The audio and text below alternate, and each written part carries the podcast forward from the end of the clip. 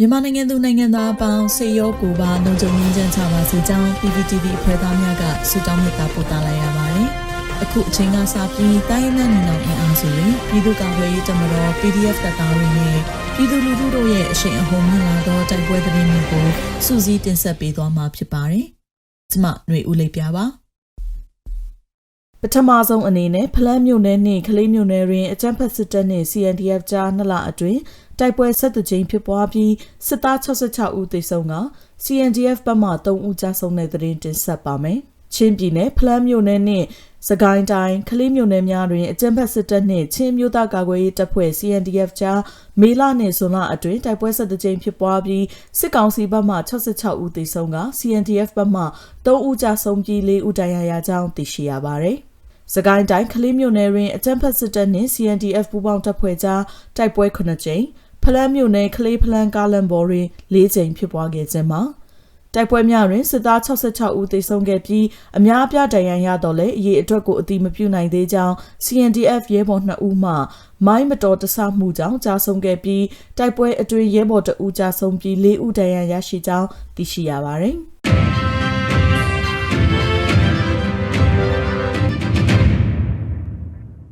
ဆက်လက်ပြီးမြင်းမှုမျိုးနယ်တွင်စစ်ကောင်စီကားတစ်စီးကိုဒေသကာကွယ်ရေးတပ်ဖွဲ့များမိုင်းခွဲတိုက်ခိုက်ခါစစ်သား3ဦးသေဆုံးတဲ့တဲ့ရင်တင်ဆက်ပါမယ်။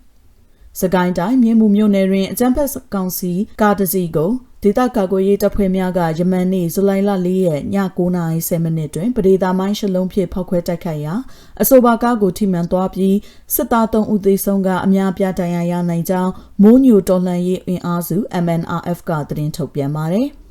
အလားတူမန္တလေးတိုင်းမတရာမြို့နယ်ပန်းတလဲတောင်နှင့်ကြောက်စဲလေးကျေးရွာထုံးဘိုတော်တိုက်ကြားတွင်နယ်မြေရှင်းလင်းရန်လာသည့်စစ်ကောင်စီတပ်ဖွဲ့ကိုယမန်နေ့ဇူလိုင်လ၄ရက်နေ့လယ်12:40မိနစ်တွင်နတ်ဆိုးမြေအောက်ဒေါ်လန်ကြီးအဖွဲ့ကမိုင်းခွဲတိုက်ခိုက်ရာစစ်သား5ဦးသေဆုံးသွားကြောင်းသိရရှိပါသည်။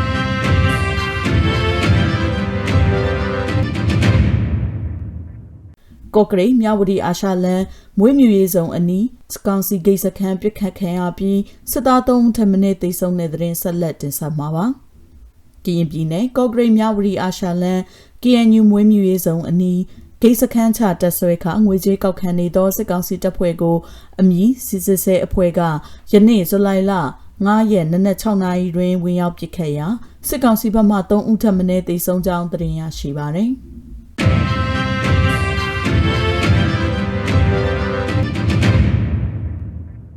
နောက်ဆုံးအနေနဲ့အမျိုးသားညီညွတ်ရေးအစိုးရပြည်ထရေးနဲ့လူဝင်မှုကြီးကြပ်ရေးဝန်ကြီးဌာနက2022ခုဇူလိုင်လ9ရက်ရက်စွဲနဲ့ထုတ်ပြန်တဲ့ပြည်သူ့ခုခံတော်လှန်စစ်တရင်ချက်လက်တွေကိုတင်ဆက်ပေးသွားမှာပါ။အာနာသိန်းအကျင့်ဖက်စစ်အုပ်စု၏ပြည်သူလူထုအပေါ်အကြမ်းဖက်ဖိနှိပ်ဖမ်းဆီးတိုက်ခိုက်တပ်ဖြတ်နေမှုများကိုပြည်သူလူထုတရက်လုံးကအသက်ရှင်တန်ရေးအတွက်မိမိကိုယ်ကိုမိမိခုခံကာကွယ်ပိုင်ခွင့်ရပြည်သူ့ခန့်စစ် People Defensive War ကိုဆင်နွှဲလျက်ရှိပါတယ်။တရင်ချက်လက်များအရာ ၄ရက်9လ2022တနင်္လာနေ့တွင်စစ်ကောင်စီတပ်ဖွဲ့ဝင်15ဦးသေဆုံးပြီးထိခိုက်ဒဏ်ရာရရှိသူ32ဦးအထိခုခံတိုက်ခိုက်နိုင်ခဲ့ပါတယ်။စစ်အာဏာရှင်စနစ်မြမမြေပေါ်မှအပြည့်တိုင်ချုပ်ငြိမ်းရေးနဲ့ Federal Democracy တည်ဆောက်ရေးအတွက်ငြိမ်းချမ်းစွာဆန္ဒပြသည့်လူထုတပိတ်တိုက်ပွဲများကပြည်내နဲ့တိုင်းဒေသကြီးများမှာဖြစ်ပွားပေါ်ပေါက်လျက်ရှိပါတယ်။မြေပြင်မှာယခုတွေ့ရတဲ့သတင်းချက်လက်များထက်ပို၍ဖြစ်ပွားနိုင်ပါတယ်ရှင်။